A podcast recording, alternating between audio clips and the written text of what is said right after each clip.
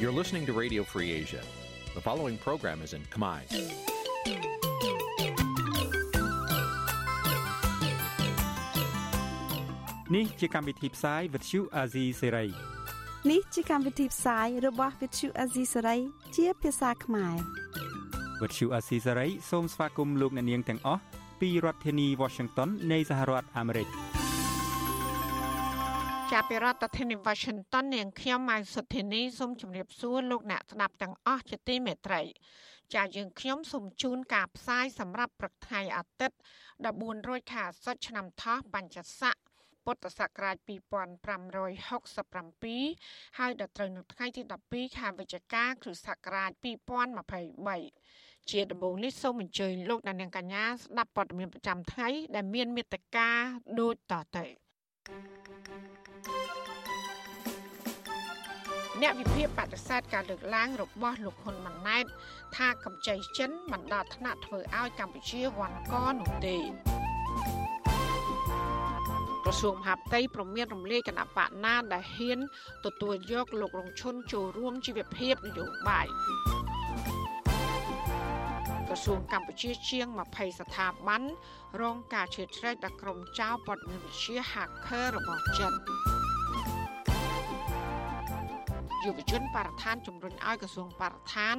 ឆ្លើយតបការសុំដំឡើងពន្ធលើការនាំចូលថង់ប្លាស្ទិក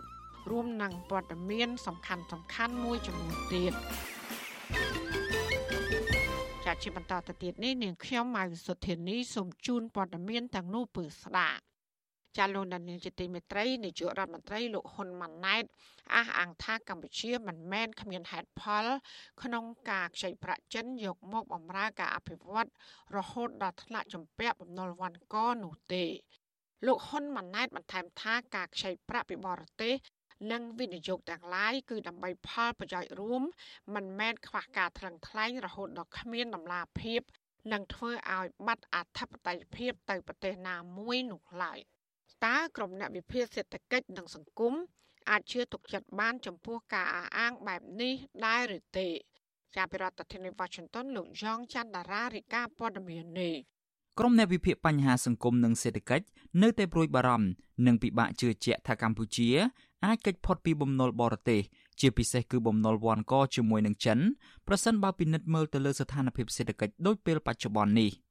អ្នកវិភាគបញ្ហាសង្គមនិងនយោបាយលោកកឹមសុខមានប្រសាសន៍ថា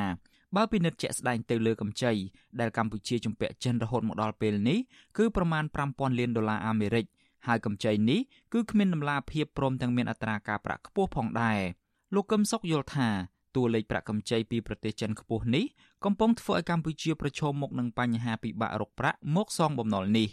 នៅក្នុងស្ថានភាពដែលប្រទេសកម្ពុជា កំពុងតែរអិលធ្លាក់ទៅក្នុងវិបត្តិសេដ្ឋកិច្ចតាមការព្រមានរបស់ស្ថាប័នហិរញ្ញវត្ថុអន្តរជាតិធំធំតើយើងយកលុយពីណាទៅសងចិនទាន់ក្រៅតែពីកាត់ធនធានរបស់ប្រទេសសម្រាប់ផ្គប់ចិត្តចិនហើយលើសពីនឹងទៅទៀតគឺថែមទាំងផ្គប់ចិត្តចិនតាមវិធីដាក់អធិបតេយ្យរបស់ប្រទេសកម្ពុជា នៅក្រោមនយោបាយភូមិសាស្ត្ររបស់ចិនផង ការលើកឡើងរបស់អ្នកវិភាគនេះគឺបន្ទាប់ពីលោកនាយរដ្ឋមន្ត្រីហ៊ុនម៉ាណែតបានអះអាងថាកម្ពុជាមិនដល់ថ្នាក់ជំពាក់បំណុលចិនរហូតដល់ថ្នាក់វ៉ាន់កនោះទេកាលពីថ្ងៃទី2ខែវិច្ឆិកាលោកហ៊ុនម៉ាណែតបានថ្លែងនៅក្នុងពេលជួបសំណេះសំណាលជាមួយកម្មករជិត20000នាក់នៅក្រុងតាខ្មៅខេត្តកណ្ដាលថាកម្ពុជាមិនខ្ចីប្រាក់បរទេស រហូតដល់ជំពាក់បំណុលគេវ៉ាន់កនោះឡើយហើយប្រាក់កម្ចីនោះទៀតសោតលោកថាដើម្បីយកមកបម្រើការអភិវឌ្ឍសេដ្ឋកិច្ចមិនមែនយកមកទិញរថយន្តនិងយន្តហោះជិះផ្ទាល់ខ្លួននោះឡើយ ហើយយើងក៏មិនមែនคล้ายទៅជាការខ្ចីបំណុលគ្មានហេតុផលរហូតទៅដល់ជាពាក់វ៉ាន់កដោយគេថាដូចទេគ្មានប្រទេសណាលើពិភពលោកតិចបំផុតដែលប្រទេសដែលថាអត់មានបំណុលហើយប្រទេសអត់មានបំណុលក៏ប្រទេសខ្លះត្រូវចេញបំណុលខ្ចីទៅលើប្រជាពលរដ្ឋខ្លួនឯងដែរសម្បីតែជប៉ុនខ្លួនឯងដែលចោលចូលជាមួយគេបន្ទុកបំណុលរបស់គាត់លើស100%ដោយបលសសខ្ញុំចុះអាមេរិកប្រទេសបារាំងប្រទេសដូចតែគ្នាដែរទេដើម្បីការវិនិយោគជាពលរដ្ឋយើងបើទោះបីជាលោកហ៊ុនម៉ាណែតអះអាងបែបនេះក៏ដោយ ក៏អ្នកវិភាគមួយចំនួនពិបាកជឿជាក់ណាស់ថាកម្ពុជាអាចនឹងកិច្ចផុតពីភាពវាន់កដោយសារបំណុលបរទេសជាពិសេសគឺបំណុលចិនដែលមានសភាពធ្ងន់ធ្ងរជាងគេអ្នកវិភាគឯករាជ្យបណ្ឌិតឡាវម៉ុងហៃមានប្រសាសន៍ថាបើទោះបីជានៅមុនពេលគេឲ្យកម្ពុជាខ្ចីប្រាក់មានអ្នកជំនាញបរទេសមកពិនិត្យនិងគិតគូរពីគម្រោងអភិវឌ្ឍន៍នានាព្រមទាំងធ្វើការវិតម្លៃលើសន្ទុះនៃកំណើនសេដ្ឋកិច្ចកម្ពុជា បានច្បាស់លាស់ក៏ដោយ ក៏លោកនៅតែព្រួយបារម្ភទៅលើបញ្ហាដែលកម្ពុជាអាចនឹងរើខ្លួនមិនរួចចំពោះបំណុលវ៉ាន់កនេះដែរដោយសារតែពេលខ្លះស្ថានភាពសេដ្ឋកិច្ចកម្ពុជា មានការវិវត្តខុសពីការទាយទុករបស់អ្នកជំនាញ។ ខ្ញុំនៅតែព្រួយបារម្ភចឹងព្រោះចង់អ្នកបកកើតនៅក្រៅការគុតគូរឿងទៅមុខណាខ្ញុំយកឧទាហរណ៍ប្រទេសកិច្ចប្រទេសពីរគឺប្រទេសឥណ្ឌូនេស៊ីប្រមាណថា10ឆ្នាំមុននោះបាល់ការរបស់ដូចជាធនាគារពិភពលោកអង្គការអន្តរជាតិនឹងថាសេដ្ឋកិច្ចនេះកំពុងកើតកើតឡើងល្អណាស់យើងចោះហើយគឺមានវិបត្តិព្រឹបយើងទៅវាមិនមែនត្រឹមតែមានវិបត្តិសេដ្ឋកិច្ចទេមាននាំឲ្យមានវិបត្តិនយោបាយមានការផ្លាស់ប្ដូរនៃដឹកនាំទៅទៀតនៅប្រទេសអេស៊ីបក៏របៀបចឹងដែរគឺមុនតែបដិវត្តពណ៌បដិវត្តអីរដ្ឋាភិបាលបានព្យាករទុកថាសេដ្ឋកិច្ចកម្ពុជាឆ្នាំ2023នេះនឹងសម្រេចបានអត្រាកំណើនក្នុងរង្វង់6.6%ដែលជារឿងល្អប្រសើរចំពោះតម្រូវការសកល និងទំនុកចិត្តសម្រាប់អ្នកវិនិយោគទុនបន្ទាប់ពីវិបត្តិជំងឺ Covid-19 ក៏ប៉ុន្តែអ្នកសិក្សាការវិវត្តសង្គមបណ្ឌិតសេងសេរីមើលឃើញផ្ទុយពីនេះ។ លោកថាបើពិនិត្យទៅលើទុនវិនិយោគបរទេសដោយផ្ទាល់ឬហៅកាត់ថា FDI ឃើញថាកម្ពុជាគ្រាន់តែប្រទេសចិនតែមួយចូលមកវិនិយោគទុននៅកម្ពុជារហូតដល់ទៅចំនួន73.75%ហើយអ្នកវិនិយោគទុនមកពីប្រទេសផ្សេង មានប្រមាណតែ26.5%ប៉ុណ្ណោះបណ្ឌិតសេងសេរីបញ្យល់ថាតាមស្តង់ដារវិនិយោគទុនបរទេសដោយផ្ទាល់ឬ FDI បើប្រទេសកម្ពុជាមានតែអ្នកវិនិយោគចិនច្រើនជាងប្រទេសដទៃទៀតពេកនោះ បើប្រៀបធៀបជាមួយនឹងសន្ទុះសេដ្ឋកិច្ចផងមានន័យថាកម្ពុជាអាចគ្រោះថ្នាក់ធ្ងន់ធ្ងរនៅពេលណាដែលចិនមានវិបត្តិសេដ្ឋកិច្ចកម្ពុជាបានភ្ជាប់ទំនាក់ទំនងសេដ្ឋកិច្ចនិងភាពជាដៃគូសកម្មនៅក្នុងគម្រោងខ្សែក្រវ៉ាត់និងផ្លូវហៅកាត់ថា BRI របស់ចិនចាប់តាំងតែពីឆ្នាំ2013 នៅក្នុងរយៈពេល10ឆ្នាំមកនេះកម្ពុជាអះអាងថាផ្លែផ្ការបស់គម្រោងខ្សែក្រវ៉ាត់និងផ្លូវរបស់ចិនបានធ្វើឲ្យមានសមិទ្ធផលជាច្រើនដូចជាតំបន់សេដ្ឋកិច្ចពិសេសនៅក្រុងប្រសេះអនុរោងចក្រវិរិយអគ្គិសនីសេសានក្រោម2នៅខេត្តស្ទឹងត្រែងស្ពានឆ្លងទន្លេនៅក្នុងស្រុកស្ទឹងត្រង់ខេត្តត្បូងឃ្មុំពហុកីឡាដ្ឋានជាតិមរតកដីជោនៅភ្នំពេញផ្លូវលបឿនលឿនភ្នំពេញក្រុងប្រសេះអនុផ្លូវថ្នល់ជាតិមួយចំនួនមន្ទីរពេទ្យការផ្គត់ផ្គង់ទឹកស្អាតតាមទីជនបទហើយថ្មីថ្មីនេះ គឺអាកាសយានដ្ឋានអន្តរជាតិសៀមរាបជាដើមតាមរយៈសមិទ្ធផលទាំងនេះមកដល់បច្ចុប្បន្នកម្ពុជាបានជំពាក់បំណុលបរទេសសរុបប្រមាណ15000លានដុល្លារអាមេរិកហើយ40%នៅក្នុងចំណោមបំណុលទាំងនោះគឺជំពាក់ចិនបើទោះបីជាសំណង់ផ្លូវថ្នល់ស្ពាននិងអាគារដែលសាងសង់ដោយក្រុមហ៊ុនចិនទាំងនោះកំពុងរីស្គូស្គាយ៉ាងណាក៏ដោយក៏គេសង្កេតឃើញថាសំណង់ទាំងនោះហាក់មិនសូវមានគុណភាពនោះទេដោយកន្លងមកធ្លាប់មានសំណង់សន្តាគារនៅខេត្តប្រសេះអនុ និងនៅក្នុងក្រុងកែបបានបាក់រលំបណ្ដាលឲ្យកម្មករខ្មែរមួយចំនួនស្លាប់និងរងរបួសចំណែកការសាងសង់ផ្លូវលបឿនលឿនពីភ្នំពេញខេត្តព្រះសីហនុទៀតសោតក៏មិនបានហុចផលប្រយោជន៍សម្រាប់ប្រជាពលរដ្ឋខ្មែរដែលរស់នៅតាមបណ្ដោយដងផ្លូវទេប៉ុន្តែមានតែធ្វើឲ្យប៉ះពាល់ដូចជាគ្មានផ្លូវឆ្លងកាត់សម្រាប់មនុស្សនិងសត្វពីកន្លែងមួយទៅកន្លែងមួយទៀតបានត្រឹមត្រូវនោះទេឯការដេញថ្លៃសាងសង់វិញទៀតសោតហាក់មិនមានដំណាភាពត្រឹមត្រូវឡើយគឺគេច្រើនតែដេញថ្លៃ ធ្វើឲ្យបាក់ពួកឬក៏ខ្សែអ្នកមានអំណាចហើយពេលមានបញ្ហាប៉ះពាល់ដល់ប្រយោជន៍របស់ប្រជាពលរដ្ឋវិញក៏មិនមានសំណងត្រឹមត្រូវដល់ពួកគាត់នោះដែរខ្ញុំយ៉ងច័ន្ទដារាវិទ្យុអាស៊ីសេរី Washington ចាលោកនាយកជាទីមេត្រីពាក់ព័ន្ធនឹងទំនាក់ទំនងជាមួយប្រទេសវៀតណាមវិញអ្នកខ្លំមើលលើកឡើងថាប្រទេសវៀតណាមកុម្មុយនីសកំពុងព្យាយាមប្រកួតប្រជែងជាមួយប្រទេសចិនកុម្មុយនីសដើម្បីពង្រឹងនិងពង្រីកឥទ្ធិពលរបស់ខ្លួនមកលើកម្ពុជាខណៈរដ្ឋាភិបាលកំពុងបង្កើនទំនាក់ទំនងស្អិតល្មួតជាមួយចិន។ ចាអ្នកជំនាញភូមិសាស្ត្រនយោបាយថាវៀតណាម នៅតែចង់ពង្រឹងឥទ្ធិពលរបស់ខ្លួននៅកម្ពុជាដដែលដោយសារតែវៀតណាមតែងតែអះអាង ពីគុណសម្បត្តិដែលខ្លួន បានជួយគណៈបកប្រជាជនកម្ពុជាចាសសេចក្តីរាយការណ៍ពុស្ដាអំពីរឿងនេះលោកណានៀងនឹងបានស្ដាប់នាពេលបន្តិចទៀតនេះ thank you ចាលោកដានៀងជាទីមេត្រីក្នុងឱកាសនេះដែរនាងខ្ញុំសូមថ្លែងអំណរគុណដល់លោកដានៀងកញ្ញាទាំងអស់ដែលតែងតែមានភក្ដីភាព ចំពោះការផ្សាយរបស់យើងហើយចាត់ទុកការស្ដាប់វិទ្យុអសីសេរី គឺជាផ្នែកមួយនៃសកម្មភាពប្រចាំថ្ងៃរបស់លោកអ្នកការគ្រប់គ្រងរបស់លោកដានៀងនេះហើយដែលធ្វើយើងខ្ញុំមានទឹកចិត្តកាន់តែខ្លាំងថែមទៀតក្នុងការស្វែងរកនិងផ្តល់ព័ត៌មានជូនដល់លោកដានៀង ចាំមានអ្នកស្ដាប់អ្នកទេសនាកាន់តែច្រើនកាន់តែធ្វើឲ្យយើងខ្ញុំមានភាពស្វាហាប់មោះមុតជាបន្តទៀតចាយើងខ្ញុំសូមអរគុណទុកជាមុនហើយក៏សូមអញ្ជើញលោកដានៀងកញ្ញាចូលរួមជំរុញឲ្យសកម្មភាពផ្ដល់ព័ត៌មានរបស់យើងនេះកាន់តែជោគជ័យបន្ថែមទៀតលោកដានៀងអាចជួយយើងខ្ញុំបានដោយគ្រាន់តែចុចចែករំលែកឬ share ការផ្សាយរបស់យើងនេះ នៅលើបណ្ដាញសង្គម Facebook និង YouTube ទៅកាន់មិត្តភ័ក្តិដើម្បីឲ្យការផ្សាយរបស់យើងនេះបានទៅដល់មនុស្សកាន់តែច្រើនចាសសូមអរគុណចាលោកដានៀងជាទីមេត្រីដែលឡាយតាក់ទងនឹងអតីតអនុប្រធានគណៈបកភ្លើងទៀនលោករងឈុនវិញក្រសួងមហាផ្ទៃបានប្រមានរំលាយគណៈបកណាដែលហ៊ានទទួលយកលោករងឈុនឲ្យចូលរួមជីវភាពនយោបាយ ក៏ប៉ុន្តែលោករងឈុននៅតែប្រកាសចំហចូលរួមជីវភាពនយោបាយជាមួយគណៈបកកម្លាំងជាតិដដែលស្រាប់ពេលដែលគណៈបកនេះក្រុងធ្វើសមាជលើកដំបូងរបស់ខ្លួននៅថ្ងៃទី12ខែវិច្ឆិកានេះចាកញ្ញាខណ្ឌលក្ខណារិកាអំពីរឿងនេះមន្ត្រីជាន់ខ្ពស់ក្រសួងមហាផ្ទៃប្រមានរំលាយគណៈបកណា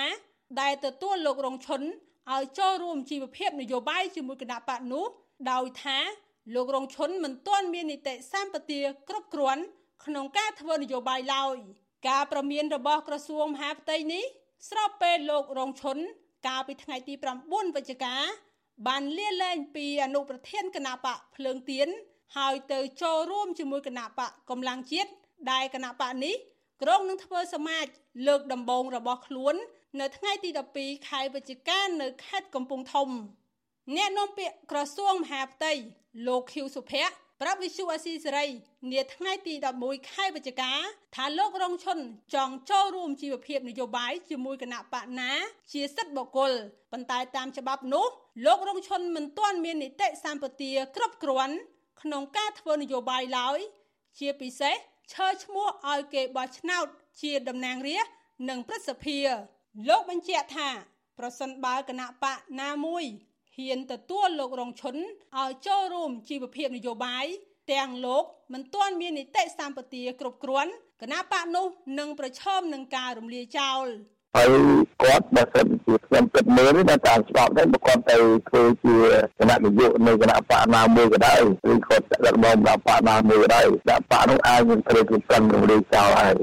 តាមខ្ញុំមិនដែរបើគាត់ជឿថាខ្ញុំគាត់ធ្វើចាស់ វិសុអស៊ីសេរីមិនអាចសុំការអធិប្បាយពីប្រធានស្ថាបនិកគណៈបកកម្លាំងជាតិលោកសុនចន្ទធីបាននៅឡើយទេនាថ្ងៃទី11វិច្ឆិកាដោយទូរស័ព្ទចូលគ្មានអ្នកទទួលជុំវិញរឿងនេះអតីតសមាជិកគណៈកម្មាធិការជាតិរៀបចំការបោះឆ្នោតនិងទីប្រឹក្សាសមាគមគ្រូបង្រៀនកម្ពុជាឯករាជ្យលោករងឈុនមានប្រសាសន៍ថារដ្ឋាភិបាល កំពុងរកវិធីទប់ស្កាត់លោក មិនឲ្យធ្វើនយោបាយជាមួយគណៈបកកម្លាំងជាតិទៅប្រមានដូចនេះពីព្រោះកន្លងមក លោកចូលរួមជាមួយគណៈបកភ្លើងទៀនក្រសួងមហាផ្ទៃមិនបានហាមឃាត់ឡើយមួយវិញទៀតលោកថា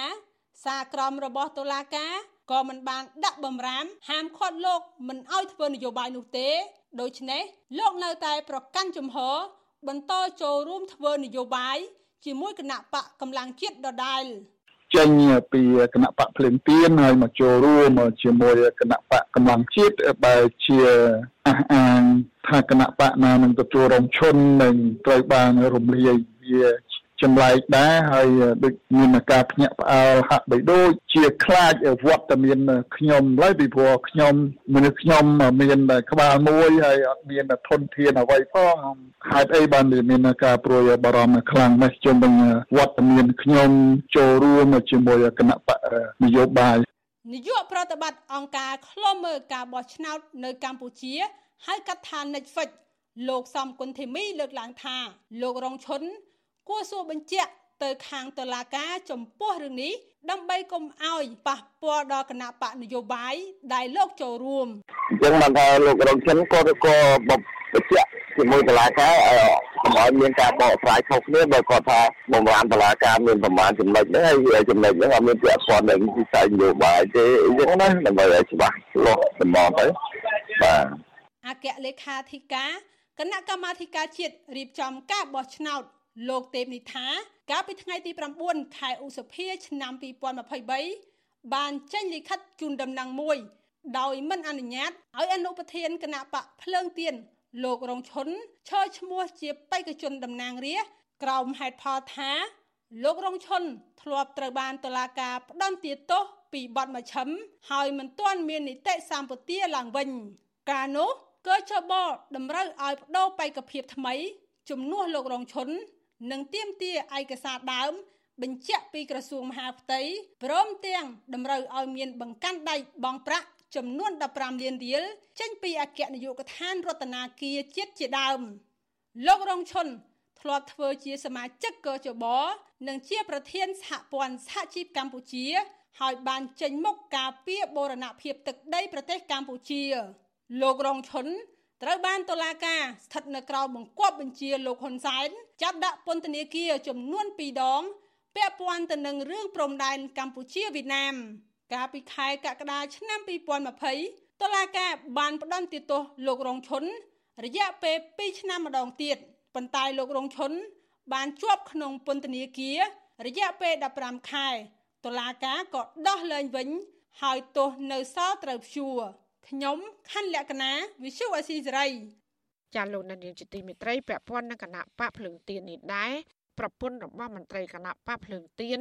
យល់ឃើញថាអាញាធរផ្ទេលោកតូចថងទៅនៅពន្ធនាគារខេត្តពោធិ៍សាត់ដែលឆ្ងាយពីសាច់ញាតិនេះគឺជាការធ្វើទុកបុកម្នេញនិងដាក់សម្ពាធបន្ថែម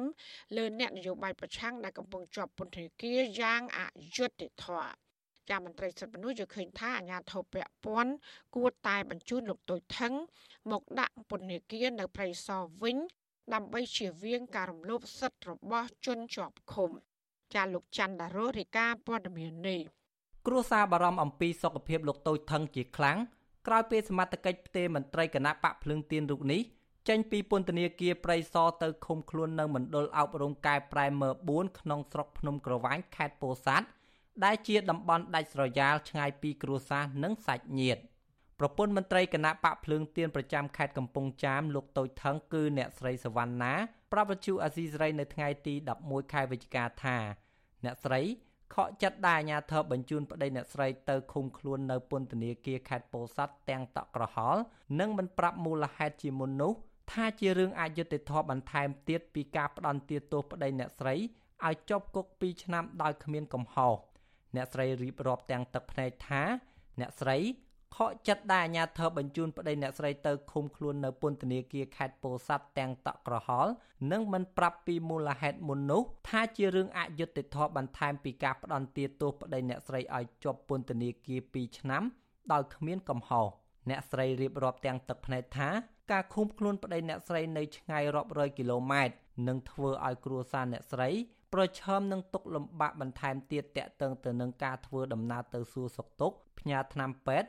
និងផ្ញើម្ហូបអាហារជាដើមប៉ុន្តែអ្នកស្រីថារឿងដែលអ្នកស្រីបារម្ភបំផុតនោះគឺជំងឺភ្នែកនិងជំងឺបេះដូងប្តីរបស់អ្នកស្រីកំពុងធ្វើទុកដោយត្រូវការលេបថ្នាំនិងព្យាបាលតាមការកំណត់ពីគ្រូពេទ្យជំនាញនៅមន្ទីរពេទ្យខាងក្រៅក្នុងរាជធានីភ្នំពេញជាចាំបាច់ខ្ញុំយល់ថាគាត់ ជូនគាត់ទៅហ្នឹងរឿងនយោបាយច្រើនទៀងអារឿងគាត់ប្រកាសមេដៃមេអីហ្នឹងខ្ញុំច្រានចោលហើយខ្ញុំអត់អុយអត់ទទួលទេព្រោះប្តីខ្ញុំគាត់កាត់ផ្ដាមកថាគាត់អត់ទទួលរឿងហ្នឹងទេយកគាត់ហ្នឹងយកខាងនយោបាយហើយហើយហេតុអីបានយកគាត់ទៅឆ្ងាយខ្ញុំសួរពុកម៉ែហ្នឹងថាគាត់អត់ដឹងខ្លួនសោះតែយកគាត់ទៅឥ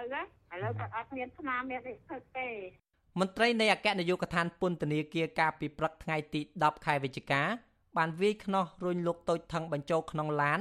ដឹកទៅពន្ធនាគារខេត្តពោធិ៍សាត់ភ្លាមភ្លាមបន្ទាប់ពីក្រុមប្រឹក្សាជំនុំជម្រះនៃតុលាការកំពូលលោកយូបន្លែងបដិសេធលើបណ្ដឹងស្នើសុំនៅក្រៅឃុំបណ្ដោះអាសន្នតេតើងរឿងនេះអ្នកនាំពាក្យអគ្គនាយកដ្ឋានពន្ធនាគារនៃក្រសួងមហាផ្ទៃលោកនុតសាវណ្ណាប្រាប់វិទ្យុអាស៊ីសេរីថាការផ្ទេរលោកតូចថងទៅមណ្ឌលអប់រំកែប្រែមើ4មិនជាប់តាក់ទងរឿងនិន្នាការនយោបាយនោះទេ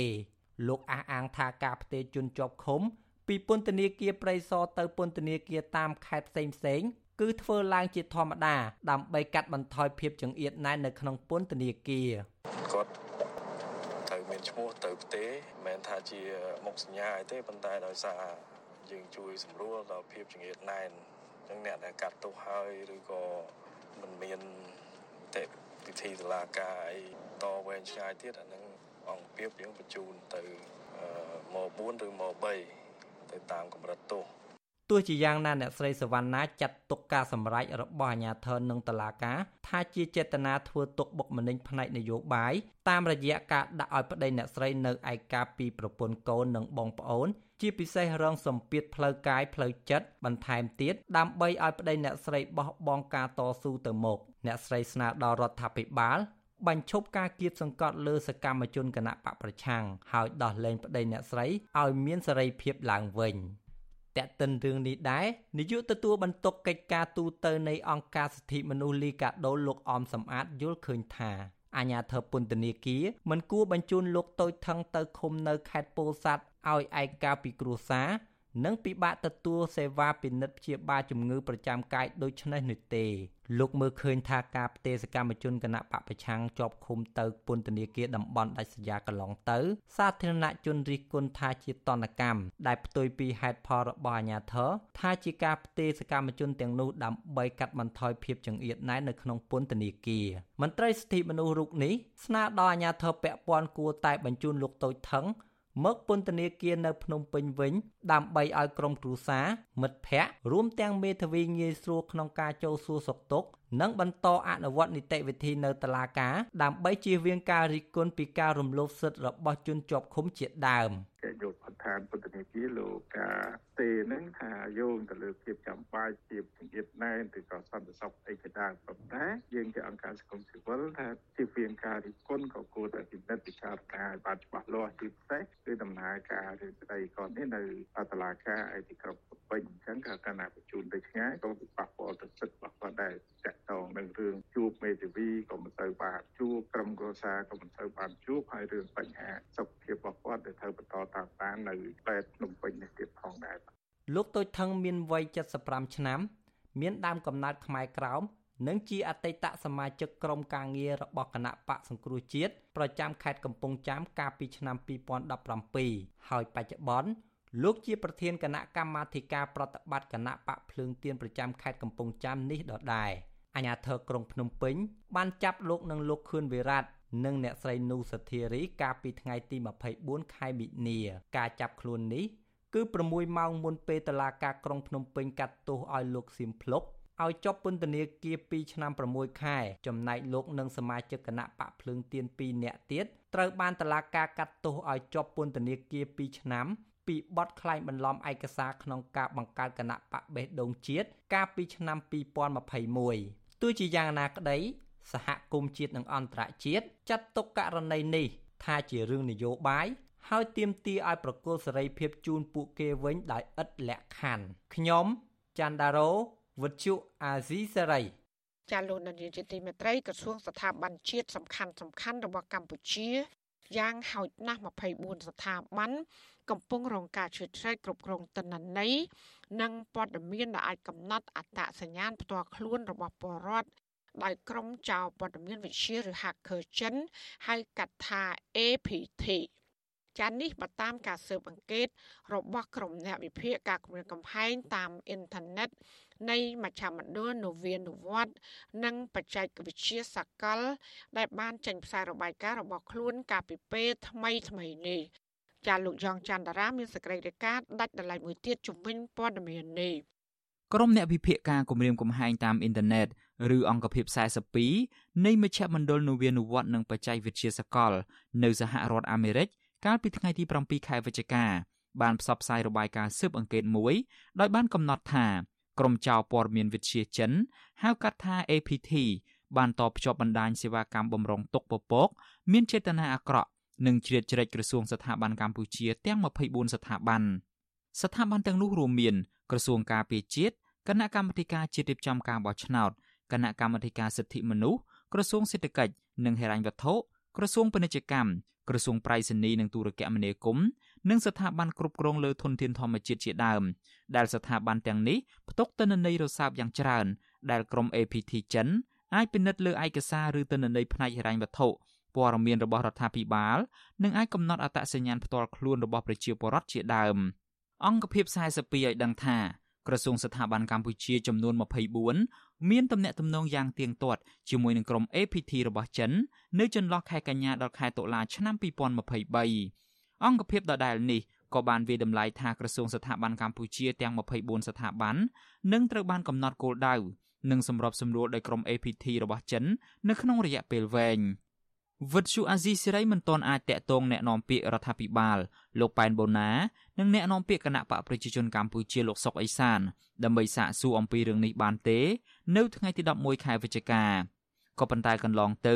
ជារឿយៗភាគីចិននិងកម្ពុជាតែងឯកភាពគ្នាដោយអះអាងថានឹងបន្តរឹតចំណងមិត្តភាពដៃថែតគ្រប់កលៈទេសៈដោយឈរទៅលើភាពស្មោះត្រង់និងមិនជឿចែកកិច្ចការផ្ទៃក្នុងគ្នាទៅវិញទៅមកអ្នកខ្លំមើលជាតិនិងអន្តរជាតិយល់ថា ក្រុមព័ត៌មានវិទ្យាឬ hacker របស់ចិនជ្រៀតជ្រែកចូលគ្រប់គ្រងទិន្នន័យស្ថាប័នក្រសួងសំខាន់ៗរបស់កម្ពុជា គឺចិនចង់បង្ហាញថាខ្លួនមានឥទ្ធិពលកាន់តែខ្លាំងទៅលើកម្ពុជាក្នុងការធ្វើយ៉ាងណាឲ្យសម្រេចបាននូវមហិច្ឆតានៅក្នុងការពង្រីកយោធារបស់ខ្លួននៅកម្ពុជា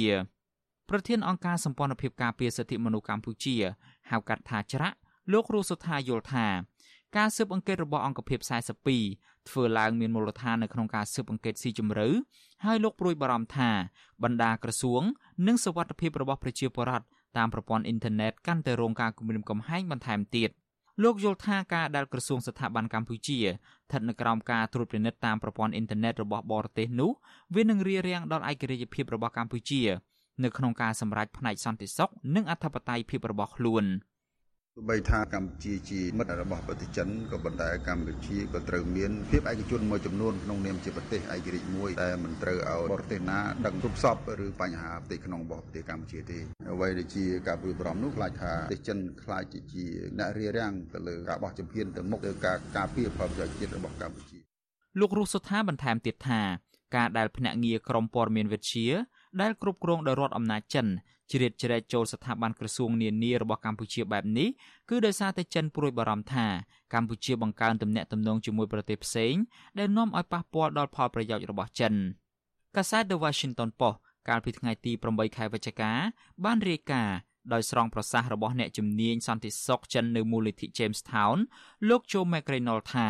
វិសាលភាពនៃការឈ្លានពានរបស់ក្រុម APT ចិននេះមានអត្ថន័យទូលំទូលាយខណៈចិនមានអានុភាពខ្លាំងលើកម្ពុជា ហើយមន្ត្រីលោកខាងលិចថាចិនកំពុងសាងសង់មូលដ្ឋានកងទ័ពជើងទឹកសម្រាប់ការប្រើប្រាស់យោធាផ្ដាច់មុខនៅកម្ពុជាលោកបន្តទៀតថានៅពេលប្រទេសចិននិងកម្ពុជា បន្តពង្រឹងកិច្ចសហប្រតិបត្តិការនោះវាកាន់តែមានសារៈសំខាន់សម្រាប់ប្រទេសចិននៅក្នុងការប្រមូលព័ត៌មានសម្ងាត់ពីកម្ពុជាក្រសួងយុតិធធអាមេរិកកាលពីឆ្នាំ2020បានរកឃើញថាក្រុមចៅព័ត៌មានវិទ្យាឬ hacker ជនជាតិចិន4នាក់ បានលួចយកទិន្នន័យពាក់ព័ន្ធនឹងទន្លេមេគង្គពីក្រសួងការបរទេសកម្ពុជានៅមុនកិច្ចប្រជុំកំពូលមេគង្គឡានឆាង កាលពីដើមឆ្នាំ2018ក្រៅពីនេះការស៊ើបអង្កេតផ្ទៃក្នុងមួយរបស់ក្រុមហ៊ុន Facebook កាលពីឆ្នាំ2021រកឃើញថា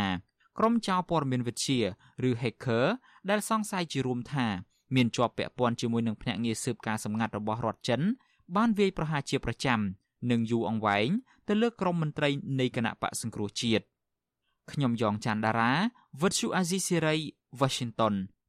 ចាលោកដានីលជាទីមេត្រីពាក់ព័ន្ធនឹងក្រុមចៅព័ត៌មានវិទ្យាឬ hacker នេះសហព័ន្ធខ្មែរកម្ពុជាក្រោមបានបង្កើតទំព័រ Facebook ថ្មី របស់កម្មវិធីផ្សាយសម្លេងកម្ពុជាក្រោមដែលមានឈ្មោះជាភាសាអង់គ្លេសថា Voice of កម្ពុជាក្រោមក្រោយពេលដែលក្រុម hacker បានលួចចូលទៅគ្រប់គ្រង និងលុបចោលទាំងស្រុងកាលពីពេលថ្មីថ្មីនេះ ចាលោកនាងអាចចូលទៅកាន់អាសយដ្ឋានថ្មី របស់សម្លេងកម្ពុជាក្រោមដែលមានអាសយដ្ឋាន www.facebook.com/voiceof កម្ពុជាក្រោមចាសហព័ន្ធខ្មែរកម្ពុជាក្រោមបានប្រើប្រាស់ទំព័រ Facebook សម្លេងកម្ពុជាក្រោមនេះគឺដើម្បីផ្សព្វផ្សាយព្រឹត្តិការណ៍ផ្សេងៗដែលកើតមានឡើងនៅលើដែនដីកម្ពុជាក្រោម និងអំពីសកម្មភាពតស៊ូមតិដោយសន្តិវិធីនិងអហិង្សានៅលើឆាកអន្តរជាតិរបស់សហព័ន្ធខ្មែរកម្ពុជាក្រោមប្រធាននាយកដ្ឋានសហព័ន្ធខ្មែរកម្ពុជាក្រោមព្រះភិក្ខុសង្ឃយើងរតនាមានត្រាដីកាថាទោះបីក្រុម hacker បានលុបចោលទំព័រ Facebook ចាស់របស់សម្លេងកម្ពុជាក្រោមក៏ដោយក៏សហព័ន្ធបានបង្កើតទំព័រ Facebook ថ្មី ដើម្បីផ្សព្វផ្សាយព័ត៌មានពីខ្មែរកម្ពុជាក្រោមដែលកំពុងរងការគៀបសង្កត់ផ្នែកសិទ្ធិមនុស្សនៅលើទឹកដីកំណើតបអាត្មាភាពសូមអំពាវនាវដល់ប្រិយមិត្តអ្នកតាមដានគ្រប់គ្រងការផ្សាយរបស់សំឡេងកម្ពុជាក្រម VOKK បជួយចែក like follow និង share នៅគេហទំព័រថ្មីរបស់ សំឡេងកម្ពុជាក្រម VOKK ដែលមានអាសយដ្ឋាន www.facebook.com/voiceof កម្ពុជាក្រមពសំឡេងកម្ពុជាក្រោមជាកម្មវិធីផ្សាយវិទ្យុដែលបានបង្កើតឡើងកាលពីឆ្នាំ2001គឺមានអាយុកាល22ឆ្នាំមកហើយកម្មវិធីនេះគឺស្ថិតក្រោមការគ្រប់គ្រងរបស់នាយកដ្ឋានព័ត៌មាន នៃសហព័ន្ធខ្មែរកម្ពុជាក្រោមក្នុងចំណោមកម្មវិធីផ្សាយផ្សេងផ្សេងទៀតដូចជាទូរទស្សន៍អនឡាញបោះពុំសិភៅប្រតិបត្តិនិងកាសែតប្រៃនគរជាដើមចាលោកនានីជាទីមេត្រីយុវជនបរិស្ថានខកចិត្តដែលក្រសួងបរិស្ថានមិនទាន់ឆ្លើយតបចំពោះលិខិតស្នើសុំរបស់យុវជន ពាក់ព័ន្ធនឹងការសុំដំឡើងថ្លៃលើការនាំចូលថង់ប្លាស្ទិកនៅតាមផ្សារទំនើបដើម្បីជួយកាត់បន្ថយនៅកំណើនអ្នកប្រើប្រាស់ថង់ប្លាស្ទិកជាមន្ត្រីសង្គមស៊ីវិលយល់ឃើញថាក្រសួងបរិស្ថាន ហាក់យឺតយ៉ាវក្នុងការឆ្លើយតបចំពោះសំណើរបស់យុវជនសូមលោកអ្នកនាងស្ដាប់សេចក្តីរាយការណ៍របស់លោកសេកបណ្ឌិតជំនាញព័ត៌មាននេះក្រមយុវជនជំរុញឲ្យរដ្ឋមន្ត្រីក្រសួងបរិស្ថានលោកអៀងសផល្លែត យកចិត្តទុកដាក់ចំពោះទុកកង្វល់របស់ក្រមយុវជនជុំវិញការស្នើឲ្យមានការដំឡើងថ្លៃការនាំចូលថង់ប្លាស្ទិកគិតមកទល់នៅពេលនេះក្រសួងបរិស្ថាននៅមិនទាន់ឆ្លើយតបលើលិខិតស្នើសុំរបស់ក្រមយុវជននៅឡើយទេ កាលពីថ្ងៃទី31ខែតុលាអាជ្ញាធរខណ្ឌដូនពេញ បានរារាំងនិងរុញច្រានក្រមយុវជន ដែលយកញត្តិទៅដាក់នៅក្រសួងបរិស្ថាន ស្នើឲ្យរដ្ឋាភិបាល ដំឡើងពន្ធលើការនាំចូលថង់ប្លាស្ទិកចន្លោះពី10%ដល់15%និងស្នើឲ្យដំឡើងថ្លៃថង់នៅតាមផ្សារទំនើប800រៀលក្នុងមួយថង់ដើម្បីទប់ស្កាត់ការប្រើប្រាស់ថង់ប្លាស្ទិកសកម្មជនសង្គមកញ្ញារឿនស្រីនាង ប្រាប់វិទ្យុអស៊ីសេរី នៅថ្ងៃទី11វិច្ឆិកាថាកញ្ញាសោកស្ដាយដែលក្រសួងបរិស្ថានមិនអើពើចំពោះក្តីបារម្ភរបស់យុវជន ដែលបណ្ដោយឲ្យពលរដ្ឋប្រើប្រាស់ថង់ប្លាស្ទិកដោយពុំមានការទប់ស្កាត់ដដែល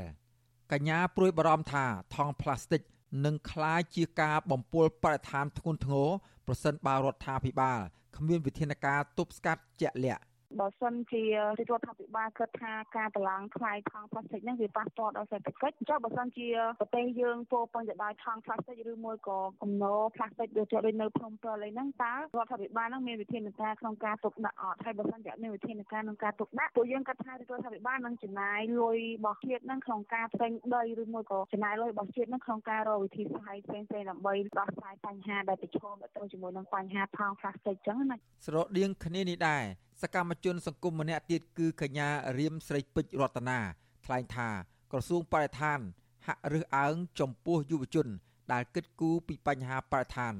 ពីព្រោះនៅពេលយុវជនទៅដាក់ញត្តិស្នើសុំកិច្ចអន្តរាគមន៍ការពារបរិស្ថាន ក្រសួងតែងតែយឺតយ៉ាវក្នុងការឆ្លើយតបឬមិនឆ្លើយតបតែម្ដងក៏មាន។ យើងពុនជា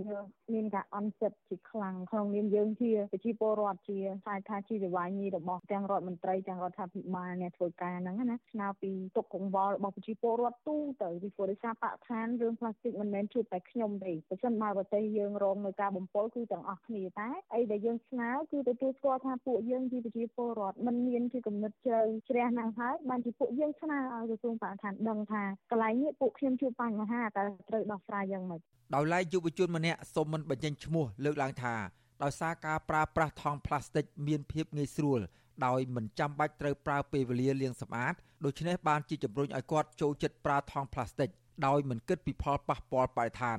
ម្យ៉ាងទៀតរូបគាត់រវល់ជាមួយនឹងការងារផង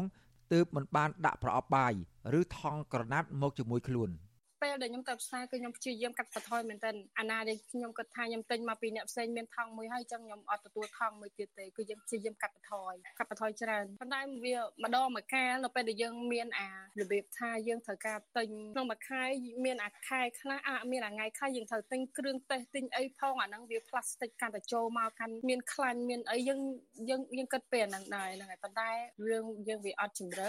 វិទ្យុអាស៊ីសេរីនៅពុំទាន់អាចតាក់ទងแนะនាំពាក្យក្រសួងបរិស្ថានលោកផៃប៊ុនឈឿនដើម្បីសុំការបោះស្រាយជុំវិញបញ្ហានេះបានទេ នៅថ្ងៃទី11ខែវិច្ឆិកាបើទោះជារដ្ឋមន្ត្រីក្រសួងបរិស្ថានមិនឆ្លើយតបនឹងសំណើយុវជនក្តីប៉ុន្តែកាលពីថ្ងៃទី1វិច្ឆិការដ្ឋមន្ត្រីក្រសួងបរិស្ថាន បានយកលិខិតមិត្តអ្នកអានម្នាក់មកបង្ហោះលើបណ្ដាញសង្គម Facebook ដើម្បីបដិសេធសំណើរបស់ក្រមយុវជនដោយសម្អាងថា ការដំឡើងតម្លៃលើការនាំចូលនិងថង់នៅតាមផ្សារទំនើបអាចប៉ះពាល់ដល់សេដ្ឋកិច្ចពលរដ្ឋដូច្នេះមុននឹងស្នើសុំក្រមយុវជន គួរតែសិក្សាស្រាវជ្រាវឲ្យបានច្បាស់លាស់ជុំវិញបញ្ហានេះដែរប្រធានសមាគមការពារសិទ្ធិមនុស្សអាត6លោកនីសុខាក៏សម្គាល់ថាស្ទើរតែคล้ายជាវប្បធម៌ទៅហើយនៅពេលដែលមានយុវជនឬពលរដ្ឋដាក់ញត្តិស្នើសុំកិច្ចអន្តរាគមន៍ពីក្រសួងបរិស្ថាន គឺមិនដែលទទួលបានការឆ្លើយតប និងដំណោះស្រាយសមរម្យនោះឡើយលោកបន្តថារដ្ឋាភិបាលបច្ចុប្បន្នហាក់ដើរផ្ទុយពីរដ្ឋធម្មនុញ្ញនិងទុកសំណើរបស់ពលរដ្ឋគឺជារឿងមិនចាំបាច់ក្នុងការដោះស្រាយ។ ប៉ុន្តែយើងមើលឃើញរយៈកាលកន្លងទៅនេះហាក់បីដូចជាសំណើរបស់ប្រជាពលរដ្ឋហាក់បីដូចជាមានការយឺតចាវក្នុងការឆ្លើយតបអញ្ចឹងវាខ្ញុំនៅតែទទូចស្នើឲ្យរដ្ឋាភិបាលត្រូវខិតខំបន្តទៅទៀតដើម្បីអនុវត្តនៅខ្លឹមសារនៃរដ្ឋធម្មនុញ្ញធ្វើយ៉ាងណាឲ្យឆ្លើយតបឲ្យបានជាវិជ្ជមាននិងឲ្យបានទាន់ពេលវេលាទៅតាមតម្រូវការរបស់ប្រជាពលរដ្ឋជាក់ស្ដែងក្រៅពីក្រសួងបរិស្ថានមិនឆ្លើយតបចំពោះសំណើរបស់ប្រជាពលរដ្ឋហើយនោះ នៅមានក្រសួងមួយចំនួនទៀតដូចជាក្រសួងយុទ្ធភ័ពក្រសួងរៀបចំដែនដីនគររូបនីយកម្មនិងសំណង់ក្រសួងកាងារនិងក្រសួងមួយចំនួនទៀតតែងតែបដិសេធសំណើរបស់ពលរដ្ឋទោះបីជាពលរដ្ឋទាំងនោះកំពុងរងការរំលោភសិទ្ធិកាងារសិទ្ធិមនុស្សនិងរំលោភយកដីធ្លីពីសំណាក់អ្នកមានលុយមានអំណាចយ៉ាងណាក្តី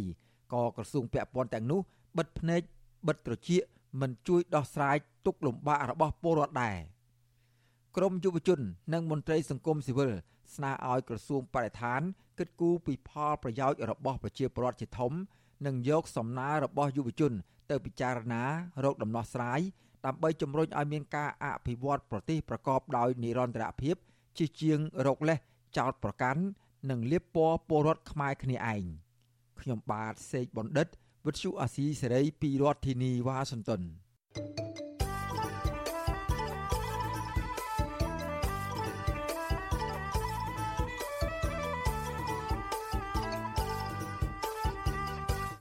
ចាលោកដានីលជាទីមេត្រីអ្នកខ្លំមើលលើកឡើងថាប្រទេសវៀតណាមកុម្មុយនីសកំពុងព្យាយាមប្រកួតប្រជែងជាមួយប្រទេសចិនកុម្មុយនីសដើម្បីពង្រឹងនិងពង្រីកអធិបតេយ្យរបស់ខ្លួន មកលើប្រទេសកម្ពុជាខណៈរដ្ឋាភិបាលកម្ពុជា កំពុងបង្កើនទំនាក់ទំនងស្អិតល្មួតជាមួយចិនអ្នកជំនាញភូមិសាស្ត្រនយោបាយថាវៀតណាមនៅតែចង់ពង្រឹងអធិបតេយ្យរបស់ខ្លួននៅកម្ពុជា ដោយសារតែវៀតណាមតែងតែអះអាងពីគុណសម្បត្តិដែលខ្លួនបានជួយគណៈបកប្រជាជនកម្ពុជា ចាលោកនៅវណ្ណរិនរាជការពុស្ដាជំវិញព័ត៌មាននេះក្រុមអ្នកតាមដានភូមិសាស្ត្រនយោបាយលើកឡើងថាប្រទេសវៀតណាមនឹងមិនបោះបង់ការពង្រីកឥទ្ធិពលរបស់ខ្លួនមកលើកម្ពុជានោះឡើយបើទោះបីជារបបនយោបាយដឹកនាំប្រទេសរបស់រដ្ឋាភិបាលកម្ពុជាសពថ្ងៃ កំពុងផ្អៀងទៅរកចិនក៏ដោយក្តី ក្រុមអ្នកឃ្លាំមើលសង្កេតឃើញថាប្រទេសវៀតណាមនឹងបន្តឃ្លាំមើលពីទំនាក់ទំនងស្អិតរមួតរវាងកម្ពុជានិងចិនដើម្បីរៀបផែនការទប់ទល់នឹងឥទ្ធិពលរបស់ចិននៅកម្ពុជា ដែលអាចមានភាពអវិជ្ជមានឬបង្កការគំរាមកំហែងណាមួយដល់ប្រទេសវៀតណាមការលើកឡើងនេះស្របពេលដែលភាគីវៀតណាមបានស្នើឲ្យលោកនាយករដ្ឋមន្ត្រីហ៊ុនម៉ាណែតដែលទៅបំពេញទស្សនកិច្ចនៅក្នុងប្រទេសរបស់ខ្លួន ដើម្បីពង្រីកនិងពង្រឹងកិច្ចសហប្រតិបត្តិការទ្វេភាគី ជាពិសេសនៅក្នុងក្របខ័ណ្ឌវិស័យការពីជាតិនិងសន្តិសុខឲ្យកាន់តែស៊ីជម្រៅបន្ថែមទៀតការស្នើរបស់ភាគីវៀតណាមបែបនេះគឺធ្វើឡើងស្របពេលដែលកម្ពុជាកំពុងបង្កើនទំនាក់ទំនងដ៏ស្អិតរមួតជាមួយក្រុងប៉េកាំងកាន់តែស៊ីជម្រៅនិងក្រោយពេលដែលលោកហ៊ុនម៉ាណែត បានប្រកាសគាំទ្រពេញទំហឹងលើផែនការដាក់ចេញរបស់ប្រទេសចិន ជាពិសេស គម្រោងយុទ្ធសាស្ត្រខ្សែក្រវ៉ាត់និងផ្លូវ BRI អ្នកជំនាញផ្នែកភូមិសាស្ត្រនយោបាយលោកបណ្ឌិតរោវណ្ណៈប្រាប់វិទ្យុអាស៊ីសេរីថារដ្ឋាភិបាលកម្ពុជា កំពុងប្រើយុទ្ធសាស្ត្រការការពារហានិភ័យដើម្បីជៀសវាងការរបូតអំណាចទៅកាន់គណៈបកដៃគូប្រកួតប្រជែងណាមួយ ដែលមានសក្តានុពលលោកពន្យល់ថាការដែលរដ្ឋាភិបាលប្រើយុទ្ធសាស្ត្រការការពារហានិភ័យនេះបើទោះជាអាចធ្វើឲ្យវៀតណាមអាក់អន់ចិត្ត ដែលខ្លួនធ្លាប់មានឥទ្ធិពលនៅកម្ពុជាកាលពីអតីតក្តីក៏រដ្ឋាភិបាលលោកហ៊ុនម៉ាណែតនៅតែបង្ហាញជំហរស្មោះស្ម័គ្រជាមួយប្រទេសវៀតណាមតាមរយៈវិស័យការទូតដើម្បីរក្សាទំនាក់ទំនងជាប្រពៃណីឲ្យកាន់តែល្អប្រសើរដដែលលោកសង្កត់ធ្ងន់ថាការបង្ហាញជំហររបស់កម្ពុជា លំអៀងទៅកាន់ចិនដោយងាកចេញពីប្រទេសវៀតណាមនេះវាជាគោលដៅសំខាន់សម្រាប់គណៈបកកណ្ដាលអំណាច ដើម្បីស្វែងរកការគ្រប់គ្រងសេដ្ឋកិច្ចនិងនយោបាយការទូតពីប្រទេសចិន។ ប៉ុន្តែយ៉ាងណាក៏ដោយវៀតណាមនៅតែចិញ្ចឹមចិត្តចមានឥទ្ធិពលនៅលើកម្ពុជាចាំតែក្លំមើលកម្ពុជា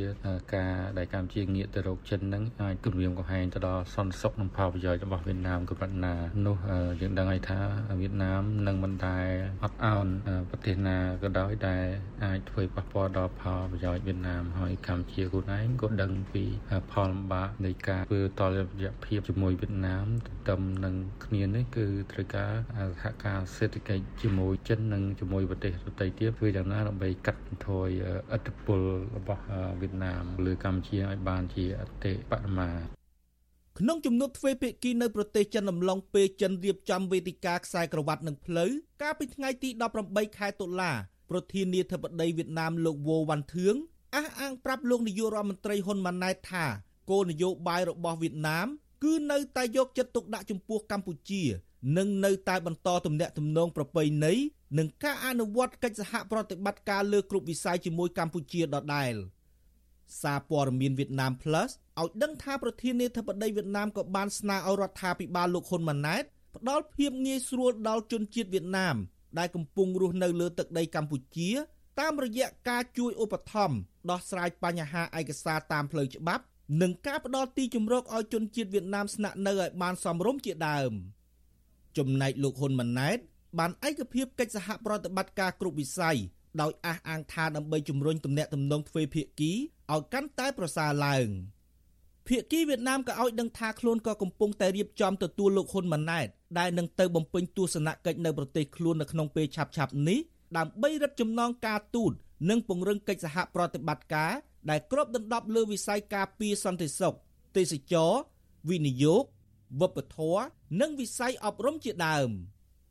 សកម្មជនកិច្ចព្រមព្រៀងសន្តិភាពទីក្រុងប៉ារីលោកស្រុនស្រូនលើកឡើងថាប្រជាជនកម្ពុជាកាលពីអតីតកាលបានរងការឈឺចាប់ពីការកាប់សម្លាប់គ្នាឥតឈប់ឈរដោយសារតែអ្នកដឹកនាំអាងបរទេសធ្វើជាខ្នងបង្អែក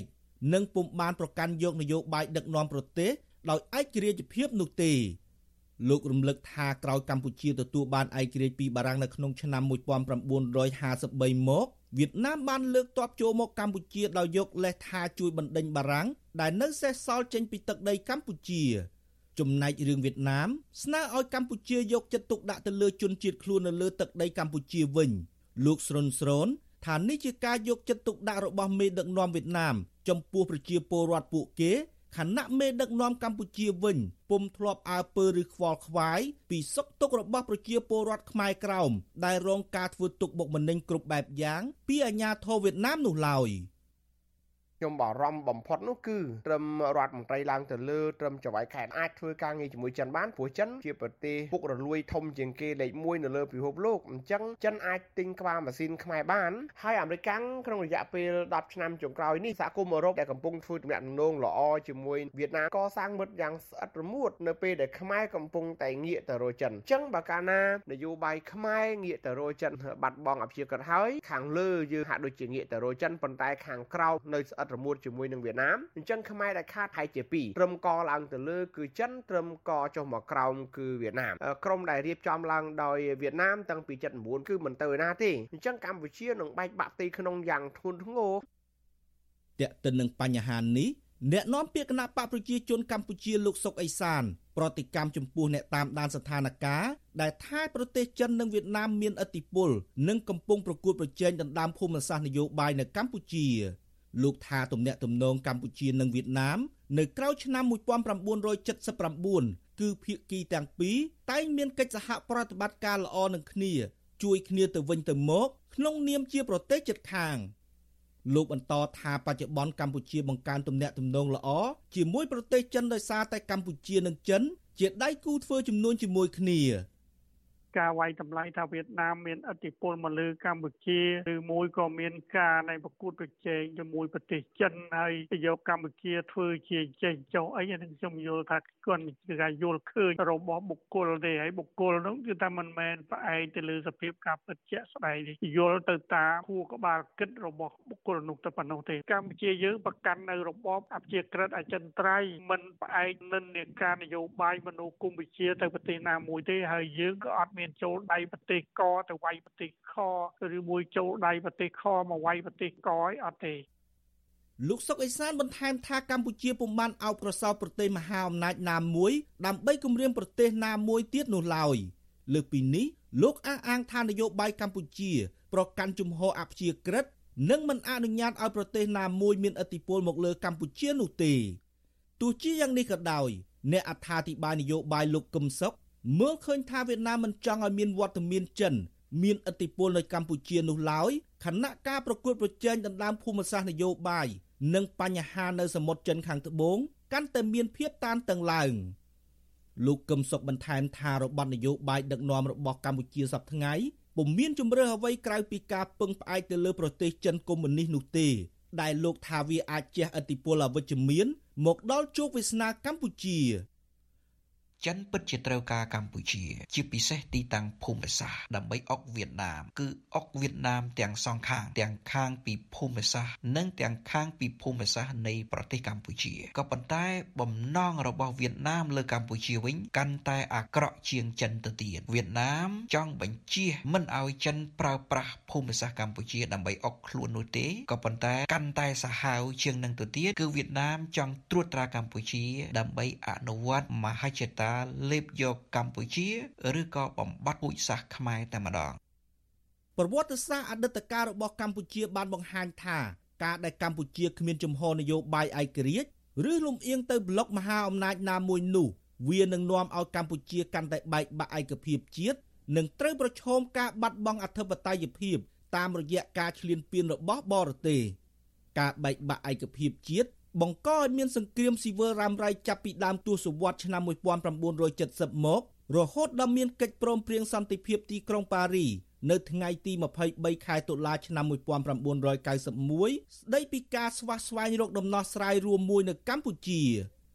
ខ្លឹមសារសំខាន់មួយនៃកិច្ចព្រមព្រៀងសន្តិភាពទីក្រុងប៉ារីបានកំណត់ថាដើម្បីរក្សាអធិបតេយ្យភាពឯករាជ្យភាពបូរណភាព ប្រជាពលរដ្ឋខ្មែរជាអ្នកសម្រេចជោគវាសនាជាតិតាមការបោះឆ្នោតជ្រើសតាំងថ្នាក់ដឹកនាំបញ្ឈប់រាល់ការទទួលជំនួយផុសភៀផ្នែកយោធាពីបរទេសការឈប់បាញ់បញ្ឈប់ការដាក់ទ័ពបរទេសនៅលើទឹកដីខ្លួនលើសពីនេះទៀតកម្ពុជាត្រូវប្រកាន់ជំហរអព្យាក្រឹតពលគឺមិនត្រូវរំអៀងទៅរកប្រទេសមហាអំណាចណាមួយនោះឡើយទោះជាយ៉ាងណា កម្ពុជាក្រោមការគ្រប់គ្រងរបស់គណៈបកប្រជាជនកម្ពុជាជិត40ឆ្នាំដែលដឹកនាំដោយលោកហ៊ុនសែននិងបន្តតំណែងទៅឲ្យកូនប្រុសច្បងគឺលោកហ៊ុនម៉ាណែតត្រូវបានសហគមន៍ជាតិនិងអន្តរជាតិមើលឃើញថាมันបានផ្ដល់តម្លៃនិងអនុវត្តឲ្យបានពេញលេញតាមខ្លឹមសារនៃកិច្ចព្រមព្រៀងសន្តិភាពទីក្រុងប៉ារីនោះទេរដ្ឋាភិបាលកម្ពុជារងការរិះគន់ថាផ្អៀងផ្នែកនយោបាយការបរទេសទៅរកប្រទេសចិន ឯកសារយោធាសម្ងាត់របស់មន្ទីរបញ្ញកោណអាមេរិកដែលត្រូវបានផ្សព្វផ្សាយដោយកាសែត The Washington Post កាលពីចុងខែមេសាកន្លងទៅ បង្ហាញថាផ្នែកមួយនៃកំពង់ផែកងទ័ពជើងទឹករៀមត្រូវបានកងទ័ពរំដោះប្រជាជនចិន កំណត់ទុកសម្រាប់ប្រើប្រាស់ធ្វើជាមូលដ្ឋានទ័ពនៃកងពលរបស់ខ្លួន និងជាផ្នែកមួយគាំទ្រភស្តុភារយោធារបស់ចិននៅលើពិភពលោក ឯកសារដដែលនេះបង្ហាញថាមូលដ្ឋានទ័ពចិននៅកំពង់ផែរៀមទំនងអាចផ្ទុកវត្តមានរបស់កងទ័ពចិន បានតិចជាងកំពង់ផែដែលចិនកំពុងសាងសង់នៅប្រទេសអេមីរ៉ាតអារ៉ាប់រួមបើតាមឯកសារដដែលនេះក្រោមគម្រោង141របស់កងទ័ពរំដោះប្រជាជនចិន បានដាក់ផែនការបង្កើតមូលដ្ឋានទ័ពរបស់ខ្លួន នៅក្រៅប្រទេសបានយ៉ាងហោចណាស់ចំនួន5 និងទីតាំងគាំទ្រដល់ការផ្គត់ផ្គង់ផុសភារចំនួន10កន្លែងគិតត្រឹមឆ្នាំ2030ដើម្បីសម្រេចនៅវត្ថុបំណងសន្តិសុខជាតិរបស់ក្រុងប៉េកាំងដែលរួមមានទាំងការការពារអត្ថប្រយោជន៍សេដ្ឋកិច្ចរបស់ខ្លួន នៅក្រៅប្រទេសខ្ញុំបាទនៅវណ្ណរិន with Chu Azizi Saray ពីរដ្ឋធានី Washington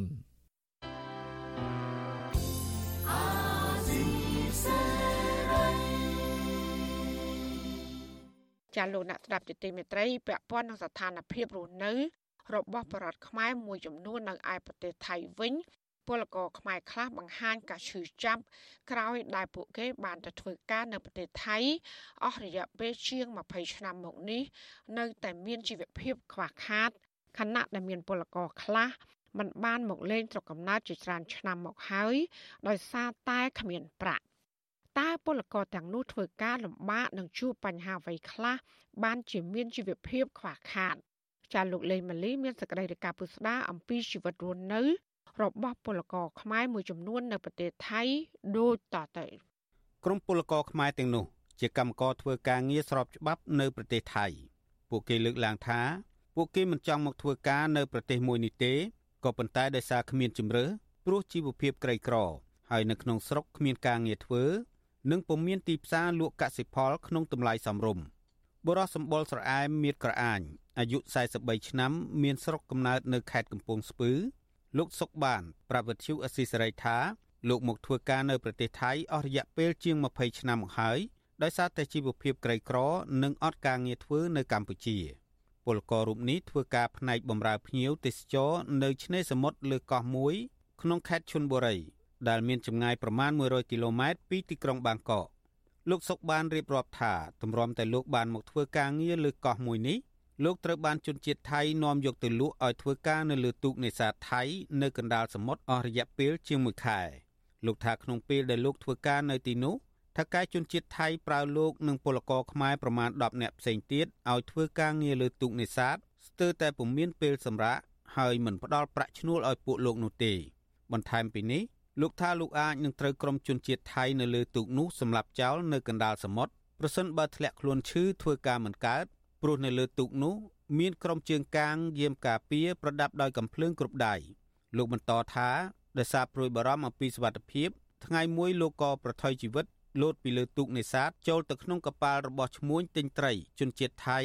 ដែលមកទិញត្រីនៅតំបន់នោះដោយចូលសំងំទៅក្នុងទូទឹកកកដាក់ត្រីដើម្បីគេចខ្លួនត្រឡប់មកដីគោកវិញ។ ទាំងយប់ខ្ញុំលួចរត់ទាំងយប់តាខ្ញុំលូតពីក្រោយគែមទូកខាងក្រោយហ្នឹងចូលទៅកប៉ាល់ខ្ញុំចូលក្នុងធុងចូលអាធុងត្រីព្រោះកប៉ាល់វាមានធុងច្រើនបងហើយគេអត់ដឹងឯមេការគេអត់ដឹងដឹងឯអ្នកអ្នកធ្វើការមួយគ្នាតែគេអត់ប្រាប់ទេវាអញ្ចឹងក៏គេឡើងត្រីអស់អញ្ចឹងកប៉ាល់ចាប់ដើមវាចេញដំណើរមកថៃវិញចេញមកថៃប្រហែលបានកន្លះម៉ោងកន្លងបានអាមេការហ្នឹងវាដឹងហើយវាដឹងអញ្ចឹងវាឆ្ងាយដែរវាតាមទៅរត់ទៅយកខ្ញុំទៅតែតាមទៅយកវាបាញ់ខ្ញុំងាប់ហើយអញ្ចឹងវាឃើញឆ្ងាយដែរហើយមួយម៉ោងជាងហើយវាជិលជិលតាមខ្ញុំមកដល់ថៃគេចាប់ខ្ញុំយកលុយម្ដងទៀតគម្រាមយកលុយទៀតអូវេទនាបងកាលពីមកថៃមុនដំបូងវេទនាហ្មងចាញ់បោកគេលោកសុកបានបន្តទៀតថាក្រោយពីរត់គេចខ្លួនចេញពីទុកនេសាទរបស់ថៃបានហើយលោកក៏ធ្លាក់ខ្លួនឈឺនិងបានត្រឡប់ទៅព្យាបាលជំងឺនៅកម្ពុជាវិញអស់រយៈពេលប្រមាណ2ខែលោកប្រាប់ថាក្រោយមកលោកក៏សម្រេចចិត្តត្រឡប់ទៅធ្វើការនៅប្រទេសថៃជាលើកទី2ទៀតកាលពីឆ្នាំ2001ហើយបានមកធ្វើការនៅលើកោះមួយក្នុងខេត្តឈុនបុរីរហូតមកដល់សប្តាហ៍ថ្ងៃនេះ លោកថាក្នុងអំឡុងពេលធ្វើការនៅលើកោះរយៈពេលប្រមាណ3ឆ្នាំដំបូងថៅកែជនជាតិថៃឲ្យប្រាក់ឈ្នួលប្រមាណ3000បាតឬស្មើ100ដុល្លារក្នុងមួយខែសប្តាហ៍ថ្ងៃនេះលោកធ្វើការបានប្រាក់ឈ្នួលនិងលុយធីបដែលភ្ញៀវឲ្យផង បានចន្លោះពី15000ទៅ20000បាតឬស្មើនឹងប្រមាណពី7500ទៅ600ដុល្លារក្នុងមួយខែប៉ុន្តែលោកថាប្រាក់ឈ្នួលទាំងនេះ មិនអាចធ្វើឲ្យជីវភាពរបស់លោកប្រសើរឡើងបាននោះទេព្រោះប្រាក់មួយចំនួនត្រូវបែងចែកទៅឲ្យឪពុកម្ដាយនៅកម្ពុជា និងមួយផ្នែកទៀតសម្រាប់ចាយវាយនៅប្រទេសថៃផង និងសន្សំដើម្បីទុកធ្វើឯកសារធ្វើការងារស្របច្បាប់ផង។ មិនមែនតែខ្ញុំមួយទេបងខ្ញុំចង់ឲ្យរដ្ឋាភិបាលគាត់ជួយមើលអំបញ្ហារឿងប៉ាសពតអីវាថ្លៃគ្នាខ្លះអត់មានលុយមានកាក់អីបខំគ្នាធ្វើខ្លះដូចខ្ញុំអញ្ចឹងជួនកាលធ្វើធ្វើការមួយខែពីរបីខែគាត់បងអាឡ័យប៉ាសពតហ្នឹងតែកាត់អស់ដែរដែរវាថ្លៃវិញហ៎បងណាក់ដឹកនាំយើងមើលខ្មែរយើងដូចថាគេអត់មានដូចថាប្រទេសមួយគេដែរអត់មានសិទ្ធិសេរីភាពអត់អីហ្នឹងគេអត់គោរពសិទ្ធិអត់គោរពអីហ្នឹងគេរំលោភសិទ្ធិលើយើងអញ្ចឹងយើងវាតូចចិត្តដែរយើងជាខ្មែរម្នាក់ ស្រដៀងគ្នានេះដែរពលករវ័យ45ឆ្នាំ មានស្រុកកំណើតនៅខេត្តបន្ទាយមានជ័យលោកថងឈុនថ្លែងថាលោកមកធ្វើការនៅប្រទេសថៃអស់រយៈពេលជាង30ឆ្នាំមកហើយក៏ប៉ុន្តែជីវភាពគ្រួសាររបស់លោកនៅតែក្រីក្រ និងមានជីវភាពកាន់តែដុនដាបលោកប្រាប់ថាសប្តាហ៍ថ្ងៃនេះលោកធ្វើការសំណង់នៅខេត្តរយងជាមួយប្រពន្ធនិងកូន4នាក់ប៉ុន្តែកូន3នាក់រស់នៅជាមួយលោកក្នុងប្រទេសថៃ ចំណែកកូនប្រុសម្នាក់ទៀតអាយុ11ឆ្នាំរស់នៅជាមួយយាយនៅខេត្តបន្ទាយមានជ័យលោកបន្តថាសប្តាហ៍ថ្ងៃនេះការងាររបស់លោកមិនទៀងទាត់នោះទេដោយក្នុងមួយខែលោកធ្វើការពីអ្នកប្រពន្ធបានប្រាក់ឈ្នួលប្រមាណ20,000បាតឬស្មើនឹងប្រមាណ600ដុល្លារប៉ុណ្ណោះលោកបញ្ជាក់ថាប្រាក់ឈ្នួលទាំងនោះស្ទើរតែមិនគ្រប់សម្រាប់ដោះស្រាយជីវភាពព្រោះលោកមានសមាជិកគ្រួសារដល់ទៅ6នាក់ខណៈដែលកូនរបស់លោកនៅតូចមិនទាន់ធ្វើការអ្វីបាននៅឡើយ លោកថាជីវភាពលំបាកខ្លាំងនៅពេលធ្វើលិខិតឆ្លងដែននិងបន្តសុពលភាពទិដ្ឋាការដែលត្រូវចំណាយប្រាក់អស់ច្រើនដើម្បីធ្វើឯកសារស្របច្បាប់ លោកបន្ថែមទៀតថាដោយសារតែធ្វើការបានប្រាក់ឈ្នួលតិចតួចនេះហើយទើបលោកសម្រេចចិត្តមិនទៅលេងកម្ពុជាអស់រយៈពេល4ឆ្នាំមកហើយដោយសារគ្មានប្រាក់ធ្វើដំណើរតាមមិនបានបងបើទីមួយដូចខ្ញុំនិយាយពីមុនអញ្ចឹងឯងណាតែផ្ញើទៅឲ្យកូននៅផ្ទះផងម្ដាយនៅផ្ទះផង ហូបខ្លួនឯងផងថ្លៃប៉ាសពឿផងដល់ខែគេកាត់ដល់ខែគេកាត់គេចេះតែកាត់លុយយកពីយើងយើងដើរតនៅក៏ដើរយ៉ាដើរតនៅនេះអត់ប៉ាសពឿម្នាក់5000ជាងទៅខ្មែរឡើងមកនេះអត់ប៉ាសពឿសតែម្នាក់6 7000វិទ្យុអស៊ីសេរីមិនអាចតាក់ទងแนะនាំពាក្យក្រសួងកាងារលោកកតាអូនដើម្បីសាកសួរជុំវិញពីទុកលំបាករបស់ពលករខ្មែរទាំងនេះបានទេ នៅថ្ងៃទី9វិច្ឆិកាប៉ុន្តែកាលពីថ្ងៃទី1ខែកញ្ញា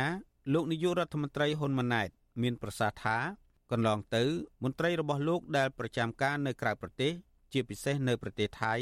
កូរ៉េខាងត្បូងជប៉ុន និងម៉ាឡេស៊ីបានយកចិត្តទុកដាក់ចំពោះសុខទុក្ខពលករខ្មែរចំណាក់ស្រុកតាមរយៈការធ្វើអន្តរាគមន៍ផ្ដល់ជំនួយផ្លូវច្បាប់ម្ហូបអាហារនិងផ្ដល់សេវាផ្សេងៗទៀត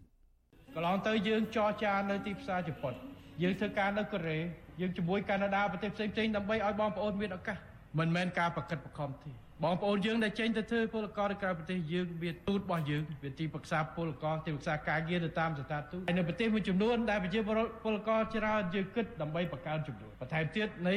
ទីប្រឹក្សាការងារដើម្បីគាត់អាចចោះជួបកាលពីថ្ងៃទី13ខែកញ្ញាកន្លងទៅរដ្ឋាភិបាលលោកហ៊ុនម៉ាណែតក៏បានបង្កើតគណៈកម្មការត្រួតពិនិត្យនិងដោះស្រាយបញ្ហាចិញ្ចោលរបស់ពលករខ្មែរនៅតាមព្រំដែន ដើម្បីសម្រួលដល់ការធ្វើដំណើរចេញចូលកម្ពុជានិងថៃរបស់ពលករខ្មែរដោយពុំមានការយកប្រាក់ក្រៅផ្លូវការទោះជាយ៉ាងនេះក្តីក្រមពលករខ្មែរលើកឡើងថាគណៈកម្មការនេះមិនបានជួយអ្វីដល់ពួកគេដែលកំពុងមានបញ្ហាជីវភាពនៅប្រទេសថៃបានឡើយជុំវិញរឿងនេះប្រធានផ្នែកប្រយុទ្ធប្រឆាំងការជួញដូរមនុស្សនិងទេសន្តប្រវេសនៃអង្គការសង្ត្រាល់លោកឌីថេហូយ៉ាមានប្រសាសន៍ថា ពលករខ្មែរនៅប្រទេសថៃដែលប្រឈមនឹងការបោកប្រាស់កម្លាំងពលកម្មនិងពិបាករកប្រាក់ចំណូលមាន3ផ្នែកគឺអ្នកធ្វើការផ្នែកសំណង់ធ្វើការនៅលើទូកនេសាទនិងធ្វើការផ្នែកកសិកម្មនៅតាមស្រែចម្ការលោកបញ្ជាក់ថាបញ្ហាទាំងនេះកើតឡើងដោយសារតែរដ្ឋាភិបាលខ្មែរមិនសូវយកចិត្តទុកដាក់ជួយធ្វើអន្តរាគមន៍ផ្នែកច្បាប់និងមិនបានជួយធ្វើអន្តរាគមន៍ទៅអាជ្ញាធរថៃឲ្យបានទាន់ពេលវេលា ដូចខ្ញុំបានលើកនឹងវិស័យ3 4ហ្នឹងគឺជាវិស័យមួយដែលរងគ្រោះជាងគេហើយក៏មិនទាន់ទទួលបានការដោះស្រាយពីរដ្ឋនៅឡើយហើយក៏យើងមើលឃើញការកាត់ខំប្រឹងប្រែងរបស់រដ្ឋហ្នឹងគឺជាទូទៅមិនបានប្រឹងប្រែងរឿងដោះស្រាយបញ្ហាទាំងអស់នោះទេរបាយការណ៍អង្គការសង្ត្រាល់ឲ្យដឹងថាបច្ចុប្បន្នមានពលករខ្មែរធ្វើការស្របច្បាប់និងមិនស្របច្បាប់ជាង2លាននាក់នៅប្រទេសថៃក្នុងចំណោមពលករទាំងនោះមានអ្នកខ្លះត្រូវបានថៅកែបោកប្រាស់កម្លាំងពលកម្ម ដោយធ្វើការមិនបើកប្រាក់ឈ្នួលឲ្យនិងខ្លះទៀតត្រូវបានថៅកែវាយធ្វើបាបនិងប្តឹងទៅសមត្ថកិច្ចថៃឲ្យចាប់ដាក់ពន្ធនាគារក៏មានដែរមន្ត្រីសង្គមស៊ីវិលលើកឡើងថាដើម្បីដោះស្រាយបញ្ហានេះរដ្ឋាភិបាលកម្ពុជាគួរតែធ្វើអន្តរាគមន៍ទៅរដ្ឋាភិបាលថៃឲ្យសម្រួលធ្វើឯកសារស្របច្បាប់ដល់ពលករទាំងនោះឲ្យបានឆាប់និងក្នុងតម្លៃថោកទី2រដ្ឋាភិបាលត្រូវតាមដានការអនុវត្តច្បាប់របស់ថៅកែថៃលើពលករខ្មែរ ដើម្បីកុំឲ្យពួកគេកេងប្រវ័ញ្ចកម្លាំងពលករនិងទី3រដ្ឋាភិបាលគួរផ្សព្វផ្សាយអប់រំណែនាំដល់ពលករឲ្យចេះសន្សំសំចៃដើម្បីមានប្រាក់សល់ខ្លះផ្ញើទៅឲ្យគ្រួសារនៅកម្ពុជាខ្ញុំបាទលេងម៉ាលីវិទ្យុអស៊ីសេរី Washington ាលោកនានីជាទីមេត្រីការផ្សាយរយៈពេល1ម៉ោងរបស់វិទ្យុអសីសេរី ជាភាសាខ្មែរនៅពេលនេះចប់តែប៉ុណ្ណេះ ចាយើងខ្ញុំសូមជូនពរដល់លោកនានាងព្រមទាំងក្រុមគូសាទាំងអស់សូមជួបប្រកបតែនឹងសេចក្តីសុខសេចក្តីចម្រើនកុំបីឃ្លៀងឃ្លាតឡើយចានាងខ្ញុំម៉ៅសុធានីព្រមទាំងក្រុមការងារទាំងអស់នៃវិទ្យុអសីស្រីសូមអរគុណនិងសូមជម្រាបលា